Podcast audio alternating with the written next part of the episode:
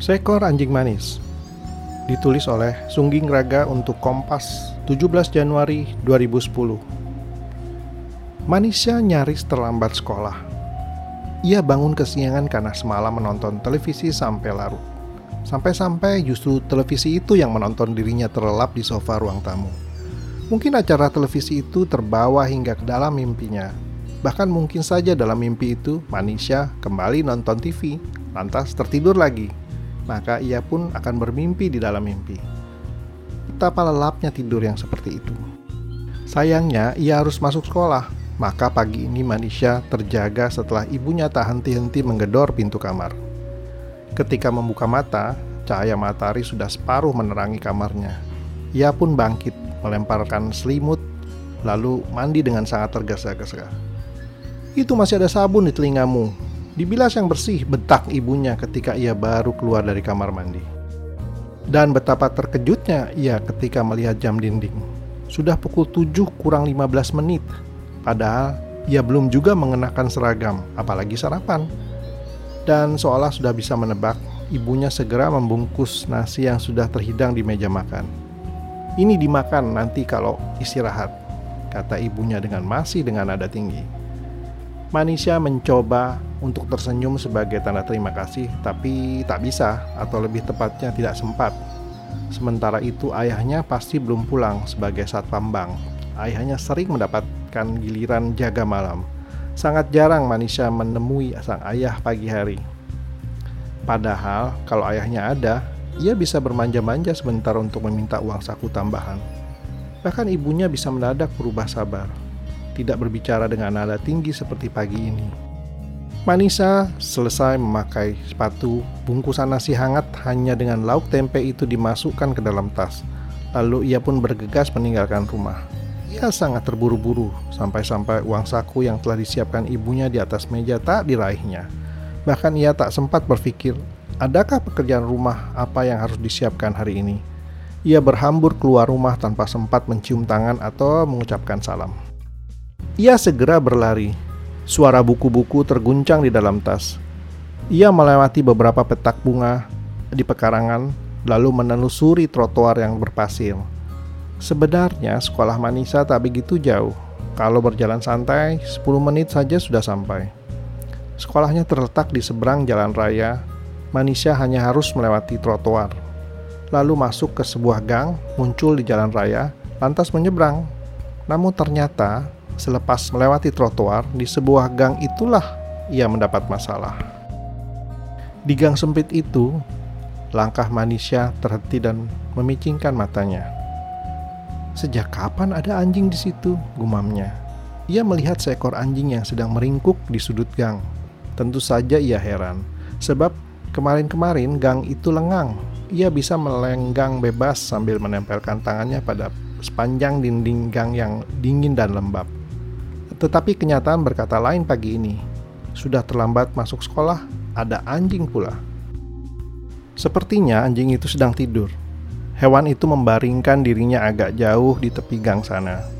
Manisha sudah berjalan sampai ke tengah-tengah hingga akhirnya melihat anjing yang sedang menggeletak sangat santai itu. Sepasang kaki di depan dilipat dengan menopang dagu, dengan mata terpejam, seolah menunjukkan bahwa anjing itu pemalas tetapi mungkin juga anjing itu sedang kekenyangan. Mungkin baru saja selesai melahap kucing kumal yang memang tak lagi punya harapan untuk hidup. Mungkin sudah beberapa ekor kucing yang diterkam hingga hewan itu tak mampu menopang tubuhnya untuk sementara waktu, sehingga kini memilih untuk berbaring saja. Manisa terpaksa berhenti. Nafasnya masih tersengal setelah berlari di sepanjang trotoar. Ia menggaruk-garuk kepalanya, Rambut yang sudah tersisir rapi itu kini sedikit berantakan. Sekarang ia diam saja, sementara waktu terus beranjak. Detik demi detik beranak pinak. Manisha kebingungan. Ia berharap anjing itu tidur saja yang lelap. Mata binatang itu memang banyak tertutup, tetapi bukankah pendengaran seekor anjing sangat peka? Ah, betapa sempitnya gang itu. Sepeda motor saja tak bisa datang dari dua arah harus ada yang mengalah. Manusia menunggu sejenak, berharap ada yang lewat situ untuk memberinya pertolongan, sebab ia tidak mungkin pulang lagi. ibunya pasti marah besar. Terkadang ia menyesal mengapa punya rumah yang hanya bisa dilewati melalui sebuah gang. Sebenarnya, dahulu tidak ada gang sempit itu. Hanya saja sejak lahan tak jauh dari rumahnya terkena dampak pembangunan mall, maka gang itu pun terbentuk dari sebuah mall di bagian kiri dan toko bertingkat yang sudah lebih dulu ada di bagian kanan. Sejak itulah kalau mau berangkat dan pulang sekolah, hanya gang tersebut jalan terdekat yang bisa dilewati. Sementara kalau lewat trotoar harus berputar terlalu jauh, lama dan sangat melelahkan. Waktu bergulir pelan tetapi pasti. Manisha semakin kebingungan ia memandangi hewan yang masih tetap meringkuk di sudut gang. Anjing itu berbulu hitam legam, entah berasal dari ras apa. Sepertinya kumuh sekali. Kalau lebih diperhatikan, hidungnya berlendir, lidahnya juga terjulur. Ada liur yang tak kunjung menetes ke tanah.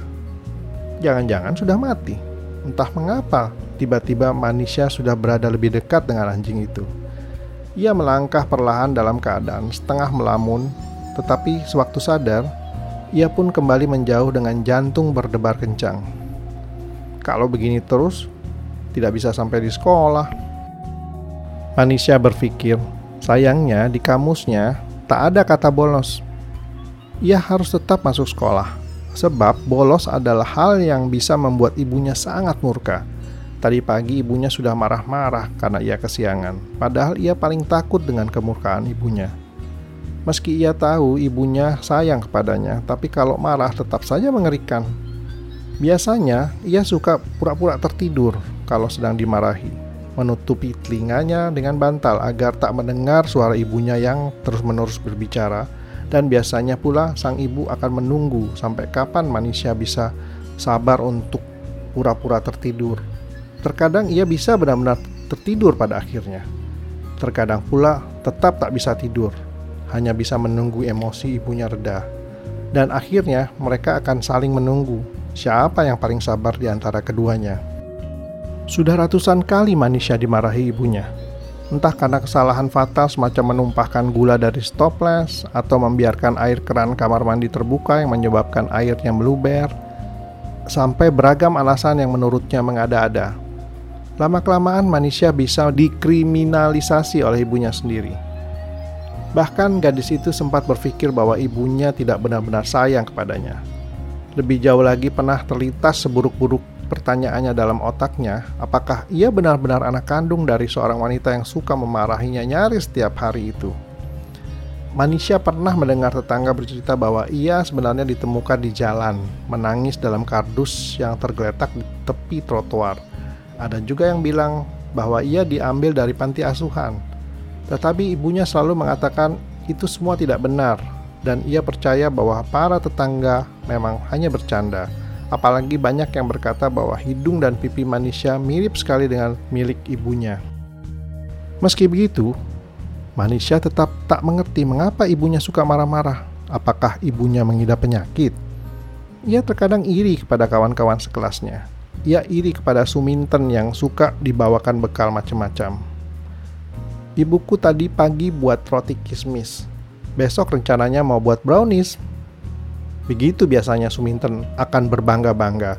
Sementara Manisha cukup diam saja. Ia juga sering iri kepada Nalea, kawan sebangku yang selalu dijemput ibunya sepulang sekolah baik cerah ataupun hujan.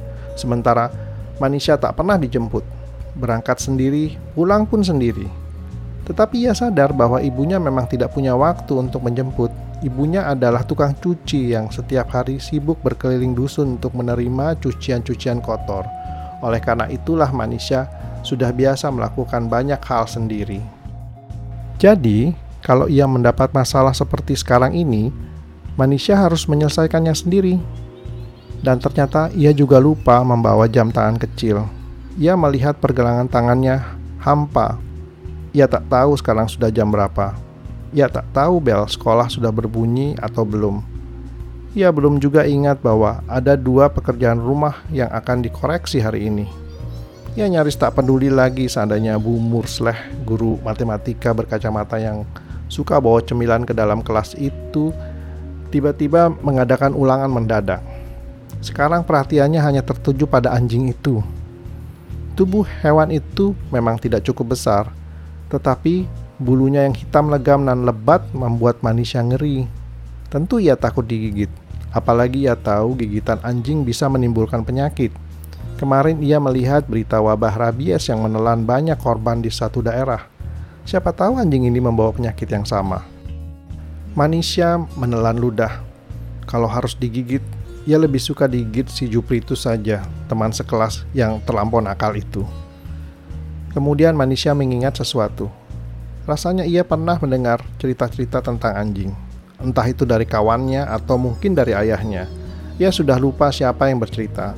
Ia hanya ingat isinya, semacam teori bahwa kalau lewat di dekat anjing yang sedang tertidur harus tenang.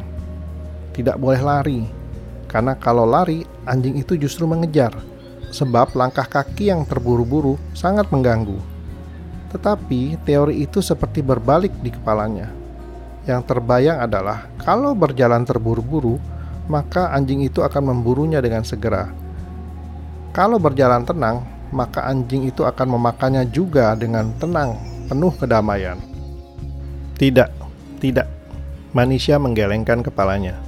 Ia menoleh ke belakang untuk kesekian kalinya ia heran mengapa nyaris tak ada yang lewat gang itu. Hanya sosok orang-orang berkelebat saja. Tak ada yang berbelok. Tapi ia juga tak mau ibunya tiba-tiba muncul di situ dengan wajah mengerikan. Ia ingin libur dari amarah sang ibu barang sehari. Kalaupun bisa, apalagi di gang ini ia tidak bisa pura-pura tertidur seperti biasa kalau ibunya tiba-tiba muncul di ujung situ. Manisha mencoba untuk kembali melangkah berat sekali. Dan semakin dekat rasa takutnya justru semakin bertambah. Apalagi sesekali anjing itu menggeliat. Mungkin hewan itu tahu ada yang sedang menunggunya terjaga. Mungkin hewan itu senang ada gadis kecil yang memerhatikannya. Itu artinya manusia dan seekor anjing sedang bermain kucing-kucingan perasaan. Anjing manis, manusia mau lewat, ia mengucapkan kalimat itu seperti doa, sebab ia hanya bisa berharap anjing itu pergi dari gang. Cukup itu saja. Matahari bergegas naik, cahaya berangsur-angsur terik. Di sebuah gang sempit yang tidak begitu kumuh, seekor anjing sedang tertidur pulas. Binatang berkaki empat itu mungkin tengah bermimpi ada di sebuah kebun surga, merebah di pangkuan bidadari jelita. Sementara tak jauh dari situ, ada seorang anak SD yang sudah terlambat sekolah. Dia berdiam di situ sebab takut melangkah. Dia masih menunggu anjing tersebut pergi. Dia mengira hewan mengerikan itu hanya pura-pura tertidur, sama seperti dirinya kalau sedang dimarahi ibunya.